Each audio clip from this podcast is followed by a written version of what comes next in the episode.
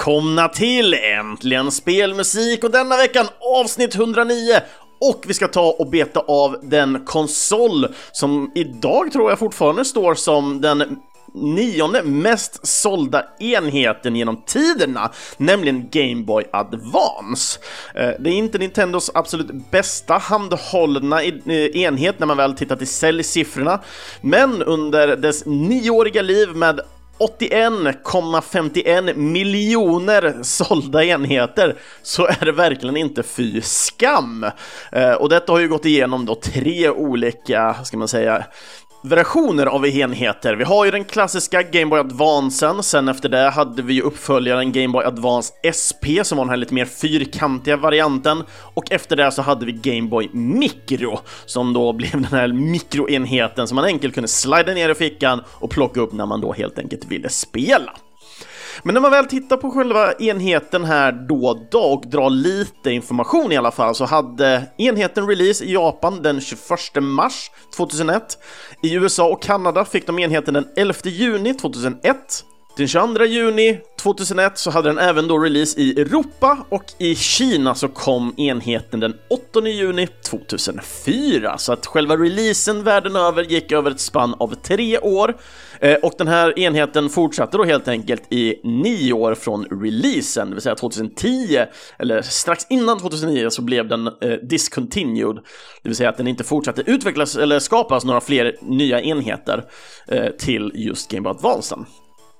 Och när man väl tittar till eh, spelen som finns i den enheten så verkligen, alltså de, de går verkligen från A till typ Ö. Alltså det finns så många olika varianter, eh, både rent mekaniskt sett men också olika varianter på spel. Men det finns också även många av de här stora serierna eh, som fick flertalet olika av releaserna till just Game Boy Advance. Eh, och den mest sålda eh, spelet då till, eller spelen ska man väl kanske säga, eh, till enheten var Pokémon Ruby and Sapphire. Eh, detta, dessa två spel det känns så konstigt att säga två eftersom de är typ basically the same. Det är väl typ oftast bara en eller två Pokémon som skiljer emellan som gör att man teoretiskt sett borde skaffa båda för att kunna skaffa alla Pokémons. Eh, men de här två spelen i alla fall eh, ligger på 16 miljoner spel sålda i alla fall. Och det här är ju inget spel heller som släppes med konsolen. Jag är lite osäker på om den släpptes i och med releasen, men jag vill minnas nej. Ehm, och med det sagt så tycker jag egentligen vi tar och egentligen gör vad vi är här för att göra, nämligen lyssna på spelmusiken ifrån denna enheten. Och hur jag ville starta den här veckan? Ja, det gör vi ju självklart med en önskelåt. Jag tänkte att det här var en så fantastisk önskelåt ifrån eh, Louise, så jag tänkte att det är hon som får helt enkelt eh, ta fanan för den här veckans start och jag vill minnas, det är inte första gången hon gör det, utan x antal gånger. Men hennes kommentar lyder som följande. Hej! Game Boy Advance har många bra spel med många sköna låtar. En av mina favoriter är låten som spelas i Golden Sun när man utforskar världskartan. Ett fantastiskt RPG som ligger mig varmt om hjärtat. Så nu ska vi ta och köra då helt enkelt Golden Sun World Map Theme.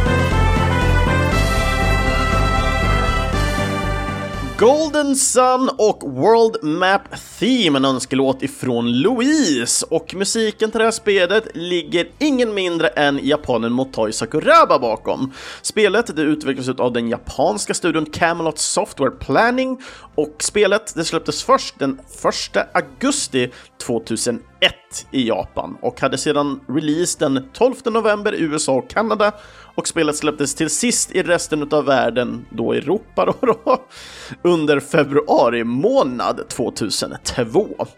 Spelet det fick även en Virtual Console-version till då Wii U's e-shop 2014. Och när det väl kommer till Motoi här så har vi pratat väldigt många gånger om just Motoi Sakuraba. Vi har även haft ett kompositörsavsnitt kring honom, men eh, dock tror jag inte vi pratade något om hans arbete kring Golden Sun-serien tidigare.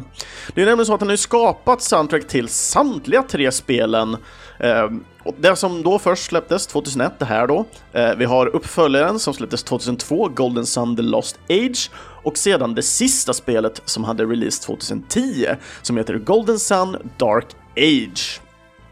Och när det väl kommer till min vetskap kring just Golden Age, eller Golden Sun rättare sagt, eh, då är det just att eh, det sista spelet gillar jag ändå en hel del. Eh, det har intressanta system eh, som känns... Det är ett turn-based baserat spel, men lite kombination görs väldigt unikt på sitt sätt. Men det som faktiskt står ut mest i min mening till det här spelet, eller de här spelen, är musiken. Det här är musik som jag har lyssnat på många gånger innan jag började spela spelen. Eh, jag ägde just Dark Dawn ett bra tag ändå innan jag faktiskt tog mig an till att spela det här stora. För nu, jag tror många av er känner till mig vid det här laget, att just RPG'n, långa härliga RPG'n inte är högst upp på mina listor ibland. Eh, största anledningen är just de här, alltså tidsvirvlarna som bara dras ner i RPG'n och hur mycket dedikation man behöver lägga ner för att egentligen uppskattar spelen till dess fullo. Eh, detta gör ju då helt enkelt att, eh, ja, men de, just RPGn blir inte mitt förstahandsval, även om jag ibland hade önskat det. Eh, och det är ju mycket för att jag vill spela så jäkla mycket spel som möjligt. Och, eh, ja, man vill ju också hitta det bästa. Man vill ju inte sätta sig med ett spel och sen tycka att ah, shit, det här funkar verkligen inte för mig. Så att mycket research som går ner i vad, vad jag tror spelet kan vara för mig innan jag sätter mig ner med det. Och sen som många andra kanske känner till så gillar jag att analysera spel extremt mycket, vilket gör att för mig blir det ett nöje och ett jobb samtidigt varje gång jag spelar, men jag, det är så jag är. Jag har alltid varit sån att jag, jag, jag uppskattar upplevelserna som spelet sig erbjuder, men jag har alltid försökt beta av olika saker och mycket beror det på för att jag oftast vill lära mig spelen. Jag vill kunna utnyttja systemen till dess fullo hela tiden. Och jag tror det är mycket därför min analyserande hjärna har gått igång så jäkla mycket på just spelen. Nej, men det, det, är ett fantastiskt medium. Jag, oftast när folk frågar mig så brukar jag alltid jämföra med att ett spel är som en, en, bok, men den är extremt mycket mer interaktiv i formen av att du kan, istället för att läsa någonting, du kan se och höra och uppleva allt det här som du annars kanske får, får läsa och sen göra en egen bild av. Men både att läsa någonting och att spela någonting eller se en film är fantastiska medium och jag är bara glad över att alla all de här olika sakerna finns för ibland kan jag uppskatta verkligen att läsa en bok. Eh, även om jag personligen är väldigt kass på att läsa grejer. Eh, men det, ah, nu bara svamlar jag på här. Men just när det väl kommer till musiken i alla fall här och jag tyckte ändå den här var ljuv och härlig. Jag vet inte varför, men just när jag hörde den här World Map-themen här så fick jag nästan lite vibbar av Soul Blazer eller Soul Blader eh, i Japan. Jag vet inte vad folk känner till för titeln, men Soul Blazer känner jag mest till det som och jag fick lite de vibbarna när jag väl hörde den här låten. Och jag, jag gillar den verkligen jättemycket av den anledningen att det känns som ett riktigt jäkla äventyr man ska ut på. Det det är inte så mycket fart och fläkt som i action, utan mer ska man säga, naggande god, kanske jag ska säga, med tonerna som det sätter och eh, feelingen som jag egentligen känner när jag väl hörde den här låten. Och när jag väl satt och tittade igenom min lista av, av spellåt jag hade valt den här veckan eh, majoritet av låtarna som jag personligen har valt är spel jag inte har spelat men musik som jag verkligen uppskattar. Och nästa låt ut den här veckan kommer ifrån Mario Luigi Superstar Saga. Och den här låten som vi kommer lyssna på, som är då Battle-låten, är någonting som fick mig att verkligen få upp ögonen för den här serien nu. Inte nog med när eh, vi fick en önskelåt vid ett tidigare avsnitt från Mario Luigi eh, Bowser Saga, så ska vi ta helt enkelt och lyssna då på Battle-themen ifrån Mario Luigi Superstar Saga vid namn Come On!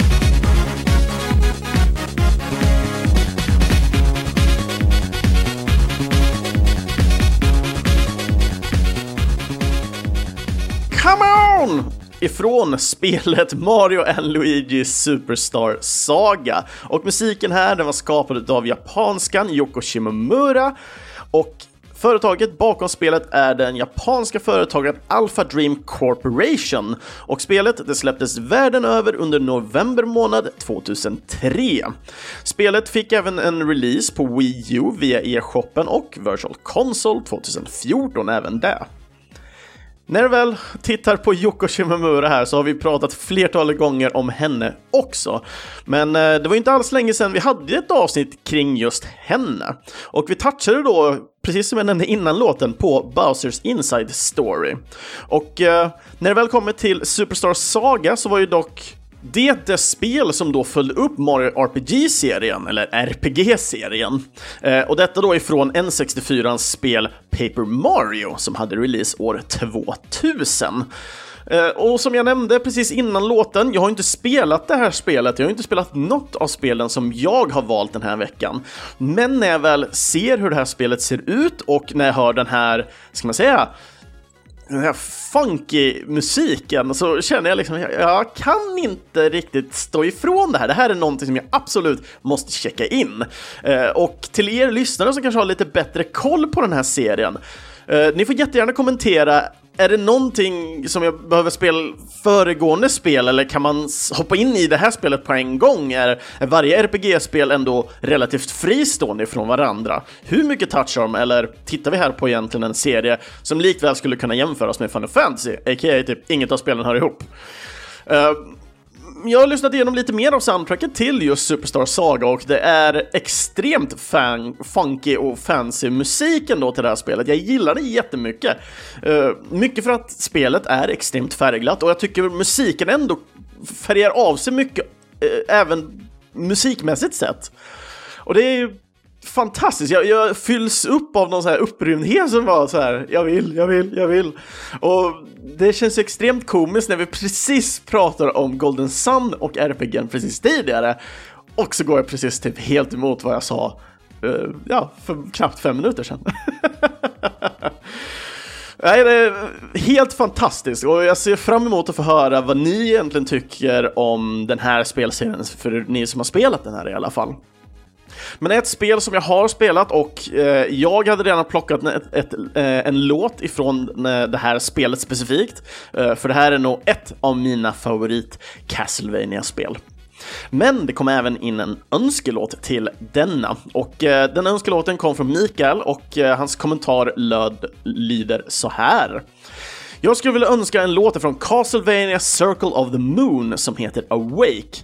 Kort och gott en stämningsfull och bra slinga. Ha det bäst! Så att vi tar egentligen och kör en liten mix-up här. Låtarna är ju inte så jättelånga, men jag kortar av dem, försöker mixa ihop dem på något bra sätt. Så då tar vi helt enkelt och kör då Castlevania Circle of the Moon Awake i kombo med Clockwork.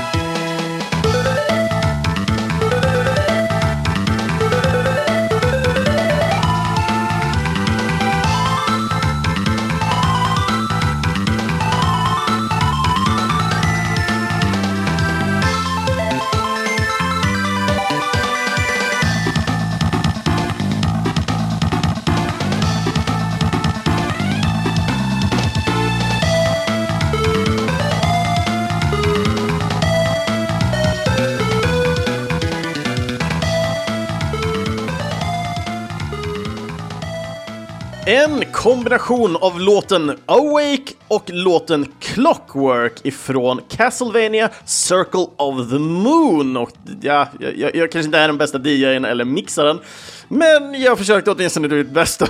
jag hoppas att det gick hem i alla fall. Nu fick jag höra då början ifrån eh, låten Awake som har ett fantastiskt intro eh, och sen då slutetappen på Clockwork-låten.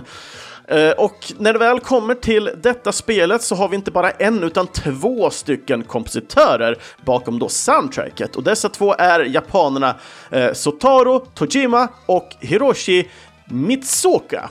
Eh, jag vet inte om det är just S-O eller S-U-O-K-A, Soka, Soka. Skitsamma. Företaget bakom spelet i alla fall är ingen mindre än den japanska studion som så många av oss redan känner till, Konami.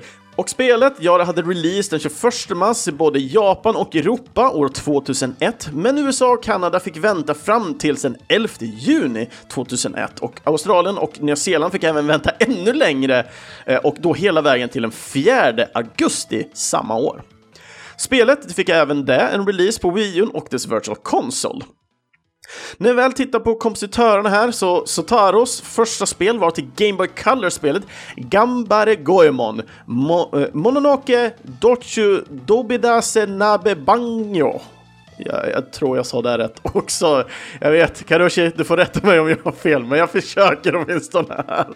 Ofta så brukar jag hoppa över sådär, men när det ändå var ett Gambare Goemon-spel så var jag ju ändå tvungen till att försöka mig på det i alla fall. Eh, och det här eh, eh Goemon-spelet, det släpptes endast i Japan och detta var då år 1999. Jag har inget exakt datum där. Eh, men efter det så följde det upp tre stycken titlar med Poppen Music, Eh, för att sedan gå in på vad som eh, Sotaro kanske nog är mest känd för, det vill säga ljuddesign till Metal Gear Solid-serien. Eh, där då för hans ljudeffekter först och främst, som då kunde höras i det spelet som då var först för hans del, Metal Gear Solid 2 Sons of Liberty. Och detta spelet vill jag minnas släpptes preliminärt först till eh, Playstation 2 men kom även i olika eh, Collector's Editions eller samlingar och dylikt. Jag vet, jag har själv eh, Sons of Liberty signat av eh, själva Ko eh, Kojima. Så att det, ja, men det, det är lite kul i, i, alla fall att ha ett sånt. Men jag, jag, jag, är inte ensam om att ha det, men det var också det enda Metal Gear Solid-spelet jag ägde när jag väl fick träffa på honom. Så att eh, det, det fanns inte så många val för mig vad man skulle ha signerat i detta fallet. Eh, men återigen till Sotaro. Eh, han gick ifrån ett arbete då med Demopart Sound Effects för att idag då jobba som Sound slash Audio Director för flera olika titlar. Det senaste spelet som han arbetade på var enligt eh, hans krediteringar här då, då Zone of Enders, The Second Runner Mars. Och A är upp och nervänt, men det tog mig typ 10 minuter att fatta att det står Mars och inte MVRS, vilket kändes jätteweird att säga. Mervs. Uh, och detta spelet släpptes ju då 2018 och där jobbade han preliminärt med mixning av musiken och ljudeffekter. Eh, och detta var ju även något som han då jobbade på första spelet innan då denna remaster. Eh, om någon vet att det här inte är en remaster får ni jättegärna tolka, för det är så jag tolkar när jag läser all information. Eh, jag hittar inte jättemycket information inte för att jag letade jättemycket, men jag kände mig ganska säker på att det var en remaster av den information jag har läst i alla fall. Eh, när det väl kommer till den andra kompositören, Hiroshi, så är det endast eh, just det här spelet som han har jobbat på musiken till. Eh, det finns ingenting annat jag hittar eh, hans namn på, det vill säga inga andra spel där han har jobbat med någonting annat. Så att det känns mer som en one-hit wonder här när det väl kommer till denna kompositören. Men när det väl kommer till själva Castlevania Circle of the Moon så är det här ett spel som jag håller väldigt högt inom castlevania serien eh, Jag vet inte ifall jag är det svarta fåret oftast när det väl kommer till saker, men eh, för folk som är fans av serien så brukar de inte hålla det här superhögt. Det kan vara högt bland listan av castlevania spel för det finns ändå jag tror många håller med, många skitspel eh, inom serien, speciellt när de börjar komma till tredje världen. Eh, men när de fortfarande hålls i något slags 2D och eh, har fortfarande den här Metroidvania känslan kvar så då, då tycker jag i alla fall att det här håller en väldigt hög standard och det här var ju ett spel som kom då efter eh, Symphony of the Night och byggde lite mer på vad Symphony of the Night erbjöd i, ska man säga, RPG-eska medel. Eh, istället för att hålla på och levla upp med tiden som man gjorde i tidigare spel innan det så var man mer eh, bekväm med att använda sig utav, eh, ja fortfarande även om du kan levla upp, eh, så var man mer bekväm vid att använda då de här korten eh, som man har i det här spelet. Vilket gör att man på något sätt har ett slags inventory-system som då baserar på eh, olika monster och sen olika, ska man säga, eh, planeter. Eh, så du kombinerar två olika kort med varandra för att få en unik eh, ability eller magi of some sort. Eh, och jag älskar verkligen det här systemet för när man väl eh, fick på sig nya kort så ville man alltid testa de olika kombinationerna eh, och se vad man kunde utnyttja dem till egentligen. Ibland kan man få en eldpiska, ibland kan man få så man typ slår ner marken och kommer så jävla jordpelare överallt. Och, Ja, det fanns så mycket fantastiskt tyckte jag med det här utforskandet av olika magier och hur man kunde utnyttja dem på bästa sätt. Eh, här återkommer ju lite till hur jag analyserar spelen och hur kul jag kunde ha med att eh, använda de olika ändamålen som, och verktygen som man egentligen fick till Circle of the Moon. Och då med då huvudkaraktären Nathan. Eh, men många av personerna som brukar säga någonting negativt om det här så brukar det oftast vara just till det här systemet också. Detta för att alla de här korten egentligen har en slags procentuell droppchans, vilket gör att man ibland kan fastna flera timmar eh, i formen av att försöka farma en fiende för att få då det här eh, card-droppet. Men för mig som bara gillar att hack and slasha mig igenom allting i Castlevania så var det ju en fröjd till att bara randomly få lite shit pommes frites-grejer och leka sen med det egentligen. Eh, jag brukar aldrig vara riktigt den här completionisten som ska ha fullt i allting. Det, det är väldigt sällan sådana saker sker för mig, utan jag leker hela tiden med vad jag egentligen har eh, att använda mig utav. Eh, men ibland så kanske man hör någonting, åh, men skaffa den här, det är skit, skitkul att leka med den här. Och då är det självklart att man kanske försöker sig mer på den, men jag tänker inte dedikera en extremt mycket tid bara för att. Och när, när det väl kommer till musiken också här så är det ju precis som samtliga andra äh, Castlevania-spel, de är fantastiska. Och jag gillar verkligen uh, Awake-låten, jag var själv väldigt nära på att ta den, men med tanke på att den står med på många av de här topplistorna och det här är ändå ett spel som jag själv har spelat så vill jag ändå lyfta fram en annan låt som jag gillade väldigt mycket från det här spelet. Eh, när jag väl började spela det här spelet så spelade jag på emulator och det här är ett spel som jag även tog mig an till att sätta mig igång och spela dessvärre tyvärr inte klar återigen, eh, på Retroresan Meetup. Eh, och det var Winter Edition 2018 blir det. Eh, och då spelade jag det här tillsammans med Anton, vilket jag tyckte var skitkul verkligen. Men sen fick jag väl spela mer själv i slutändan. Eh, då Anton gick iväg på andra äventyr omkring i lokalen och spelade andra spel och gudan. Men jag, jag är så fast vid just Circle of the Moon och det här är ändå spel som fångade mig sen barndomen när jag spelade på emulator. Eh, så att jag gillar verkligen vad Circle of Moon har skänkt mig och jag älskar verkligen musiken nu när jag kan uppleva den på nytt. Eh, för precis som när jag var för ung eh, och inte lyssnade på spelmusik så jävla mycket så gällde ju det även Circle of the Moon och när jag lyssnade på musiken eh, när jag spelade emulator. Men när jag då spelade på eh, Retrosa Meetup så kunde jag ju ha lite musik på vilket gjorde att jag kunde få uppleva det här på nytt och nu valde då egentligen Clockwork att lyfta fram den. Fantastisk låt, även om den är lite mer åt det lugnare hållet, men den har ändå en viss edge som jag verkligen gillar. Som, ja men det är nog det här melodiösa som, som på något sätt fångar mig lite. Sån slags klockverk, precis som, som det är. Fantastisk låt, fantastiskt spel, stark rekommendation. Men nu, nästa låt ut, så är det återigen dags för, nu blev det ju teoretiskt sett två av mina låtar på rad här, i och med att min låt var just Clockwork. Eh, men en låt som verkligen föll mig i smaken när jag lyssnade på en sån här topplista över GBA-titlar och då kom det fram just den här låten som jag tänkte vi ska ta och lyssna på ifrån ett spel som jag inte har spelat som ser jäkligt fancy ut. Men mer om detta tar vi helt enkelt efter låten. Så att vi tar och kör Iridian 2 och låten Cloudy Stairway.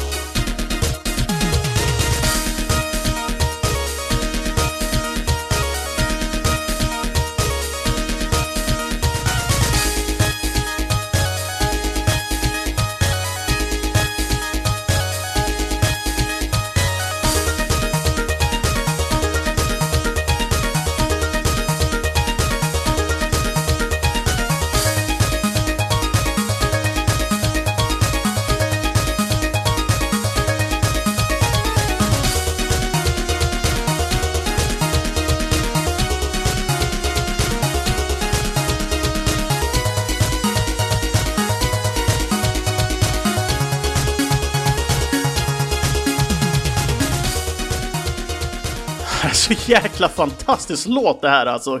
Cloudy Stairway ifrån spelet Iridian 2. Och eh, kompositören till detta spelet var tysken Manfred Linsner.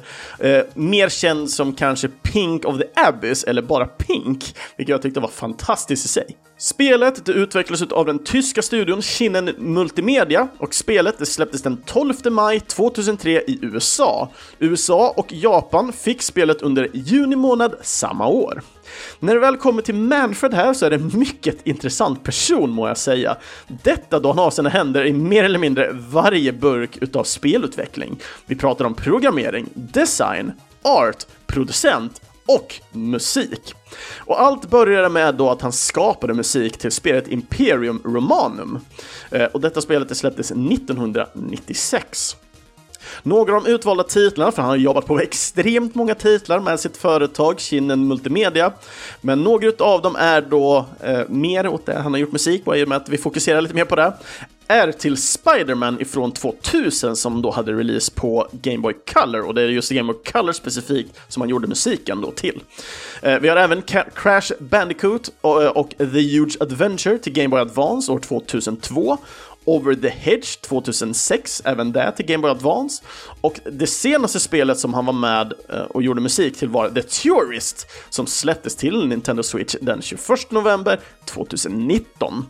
Eh, och någonting här för att också nämna är ju att i de flesta fall där Manfred har varit med och jobbat med musik då till ett spel så har han med största sannolikhet även arbetat på effekterna till det spelet också.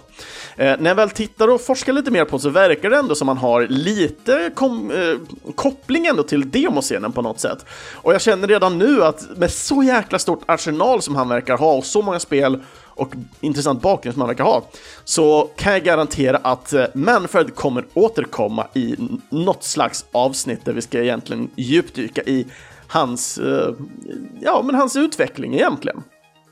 Eh, och sen då även det, det sist nämnda spelet, The Tourist här, där var han även director, men också även game programmer. Så återigen här ser vi egentligen hans eh, multikulti och eh, stoppa mm, liksom nävarna i alla de här kakburkarna. Och jag tycker det är extremt fascinerande just att vara så pass mångsidig och med ett soundtrack som det här har så extremt peppad på att få djupdyka mer i vad Manfred har hittat på. Fantastisk låt den här. Jag, jag, jag, jag hade önskat att jag kunde få spela alla fyra minuter som den här låten innehåller, men jag känner att nej, då kommer folk stänga av avsnittet och tycka nej, det här var inte så jävla kul. Men jag hoppas några av er i alla fall uppskattade låten av det vi hörde av den och att ni kanske själva väljer att söka upp lite om just Manfred och hans bakgrund och kanske mer av musiken som han stått bakom. Nästa låt ut i programmet i alla fall är återigen en önskelåt och eh, den här önskelåten är från Olol och eh, den låten som han vill önska skrev inte någon kommentar som jag regelrätt kan läsa ut för det var mer fråga hur jag mådde och allting. Eh, så att låten som han önskar i alla fall till den här veckan är Drilldozer Third Gear.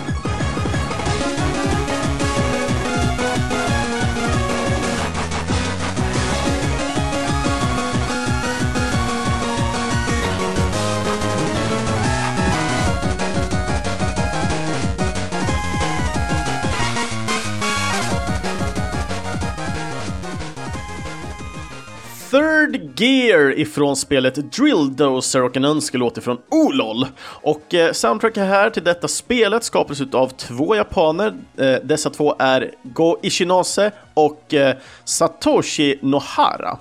Spelet utvecklades av Game Freak och eh, släpptes den 22 september 2005 i Japan och eh, tidigt året efter släpptes spelet i USA och i Kanada. Även detta spelet hade en release på Wii U's e-shop och Virtual Console, men detta då under 2015 i Japan och 2016 i USA. När vi väl tittar på kompositörerna här, Ga har endast arbetat hos eh, Game Freak och lagt musik till många av deras titlar. Första spelet var, och det är återigen en väldigt lång titel, men jag kände att jag var tvungen att säga det här igen bara för att jag tycker den låter lite rolig den här. Bazaru de Gozaru no Game de Gozaru. Eh, man spelar någon slags apa i det här och verkar vara någon slags point and click-eskt. Jag vet inte, jag har bara tittat på stillbilder i detta fallet.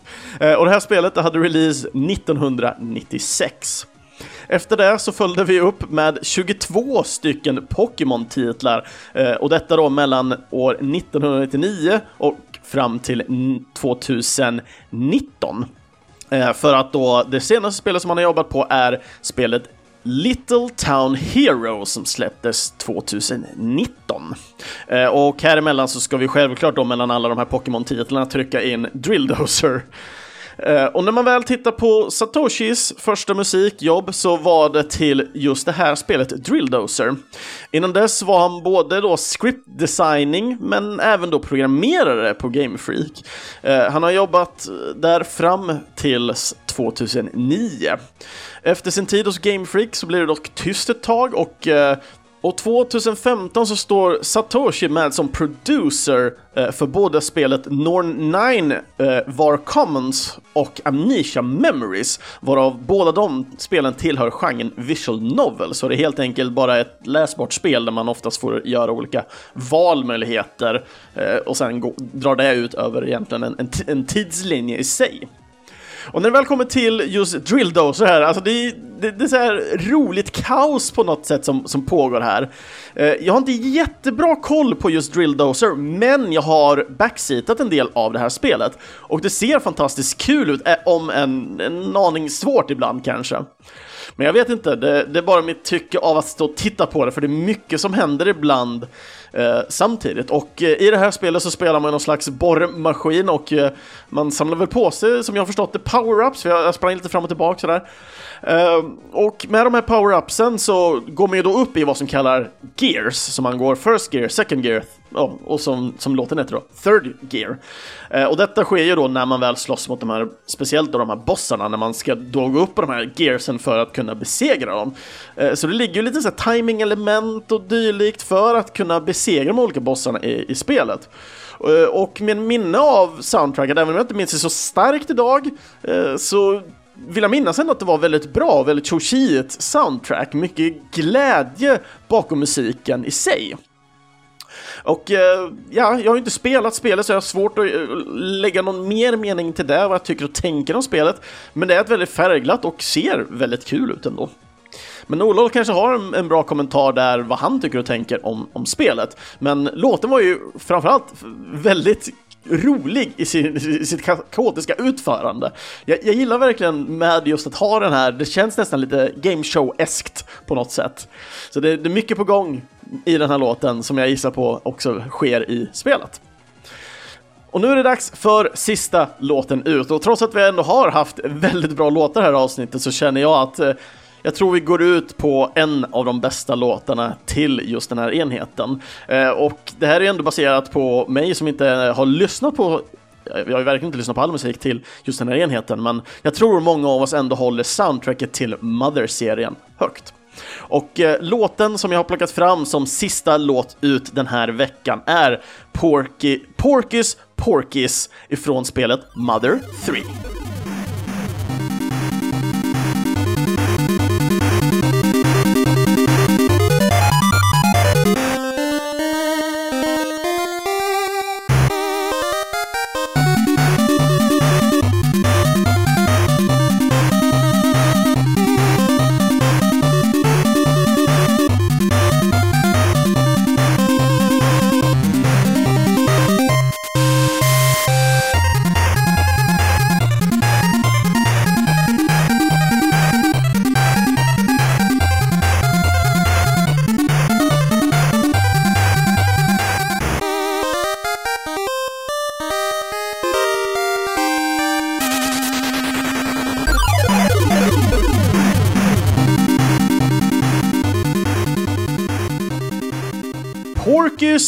Porkys ifrån spelet Mother 3 och den sista låten för den här veckan. Och när vi väl tittar på kompositören här så är det japanen Shogo Sakai och eh, studion bakom spelet är japanska One Up Studios, eller då mer kända som Brownie Brown Incorporation, som då tillsammans gjorde det här spelet med HAL Laboratories.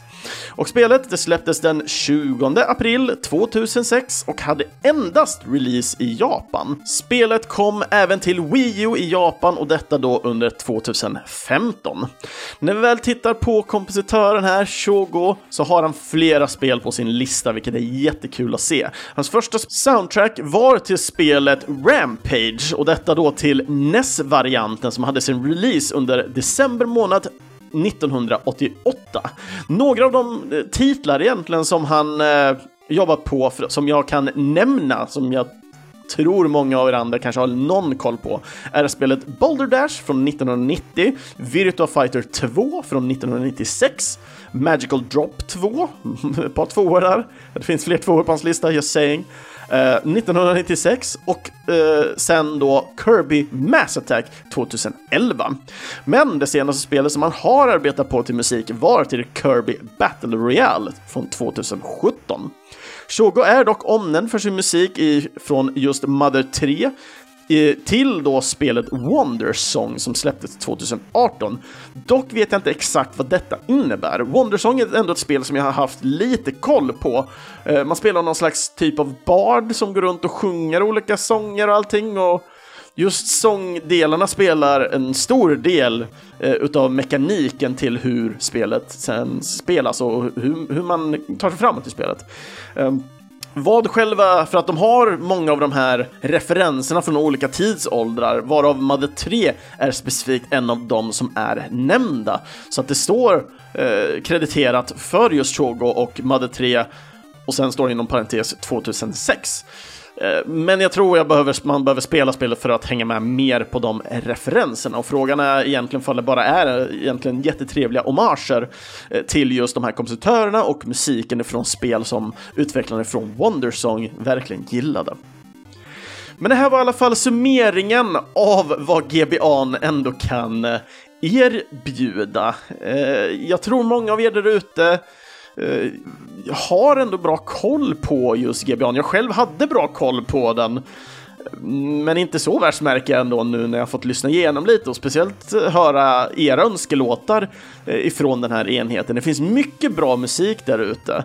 Eh, många av de här titlarna som var önskade idag var titlar som jag kände till åtminstone, hört talas om, kanske inte spelat alla. Och för min del, alla låtar jag önskade är från spel som jag inte har spelat, men jag verkligen uppskattar musiken till. Eh, så det, här, det här är någonting som jag behöver gräva mig lite djupare i, för att det finns ändå väldigt bra spel på den här enheten och framförallt att den ändå var eh, bärbar också, gjorde det fantastiskt. Och jag tror för min del att kanske skaffa en GBA hade kanske varit föredömligt för då kan jag ändå smälla i mina Gameboy och Gameboy Color-spel också, vilket idag jag bara kan använda på mitt Super Nintendo med hjälp av eh, ja, Super Gameboy-tillbehöret. Eh, men även det är väl limiterat, men jag antar att GBA är också smått limiterad för vad man kan spela och dylikt. Men jag gillar verkligen musiken som kom in, jag gillar musiken jag själv har valt och jag hoppas att ni lyssnare har uppskattat musiken som har spelats idag. Men mer än så kommer jag inte tillägga på just Game Boy Advance, utan det här känns som ett eh, ämne vi kommer kunna återvända till och prata mer om och bjuda på mer om musiken ifrån denna enheten. Så att andra avsnitt utav Äntligen Spelmusik, ja, de hittar ni på videospelsklubben.se, Spotify eller i era närmsta podcastapp. Ni får jättegärna följa och kommentera gärna på sociala medier såsom Facebook, Instagram och då söker ni bara på Äntligen Spelmusik. Eh, vill ni önska någon låt till nästkommande avsnitt? Skriv då i kommentarsfältet på antingen videospelsklubben.se, Instagram, Facebook eller varför inte komma in och, och önska en låt via Discord-servern och den hittar ni länken till på videospelsklubben.se. Och skulle det vara som så att ni missade önska någon låt till detta avsnittet, dela då jättegärna med er utav dem och era favoritlåtar ifrån det avsnittets tema, alltså Game Boy Advance, i kommentarerna. För jag vill jättegärna bredda mitt sortiment av Eh, musik som finns till den här enheten. Länkar och annat det kommer ni finna via videospelsklubben.ses inlägg. Och det går jättegärna bra att stödja Äntligen Spelmusik och framtida kompositörer via vår Patreon-sida, så surfa gärna in där och donera en liten slant för var månad för goda ändamål. Och de nuvarande underbara Patreon-backarna vi har är Peter Nordlund och Mikael Sjöberg. Så till nästa vecka har vi ett lite speciellt avsnitt för det är återigen dags att titta in en liten cover slash remixgrupp. Och vi har lyssnat på en låt i alla fall vad jag minns ifrån den här gruppen tidigare. Och temat är då på gruppen The Tiberian Sons. Så att mer om det, vilka de är och vad för musik de gillar att spela, det kommer helt enkelt nästa vecka. Sköt om er där ute så hörs vi. Hej då!